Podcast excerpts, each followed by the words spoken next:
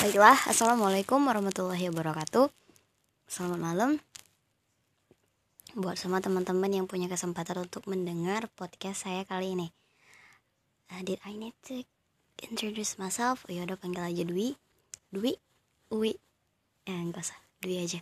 Uh, Dwi, di sini kali ini saya berkesempatan Di waktu yang ya bisa dibilang di waktu waktu KKN online di akhir-akhir semester 6 ini ya kita sedang dihadapkan dengan bencana dan kita saya dan mahasiswa-mahasiswa lain dan para siswa-siswa lain dan pekerja-pekerja lain disarankan untuk tetap di rumah dan tentunya punya banyak waktu luang yang harus dihabiskan dengan cara yang lebih bermanfaat tentunya. Ya walaupun gak selalu sih Nah, kali ini saya akan menjelaskan bahwa insya Allah uh, dalam wak beberapa waktu ke depan saya akan mentranslate sebuah buku.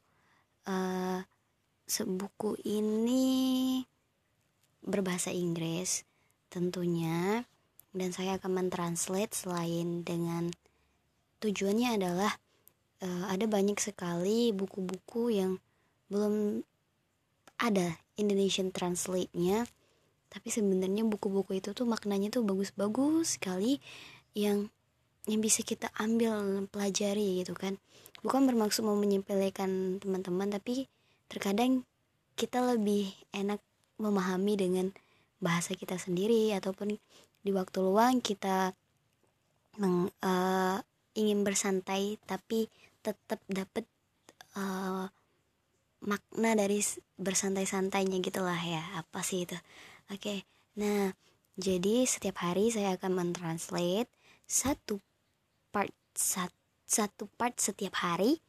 Yang kemudian saya juga akan buat podcastnya uh, alasannya apa sih? Karena ya pengen aja lah gitu. Misalkan ada yang gak hobi ngebaca tapi kalian tetap bisa ngedengerin lewat podcast. Even if you like my voice uh, itu pun kalau kalian mau mendengar dan kalau kalian gak nyaman dengar suara saya kalian bisa membaca itu di blog saya yang akan saya share. Oke? Okay? thank you. See you next time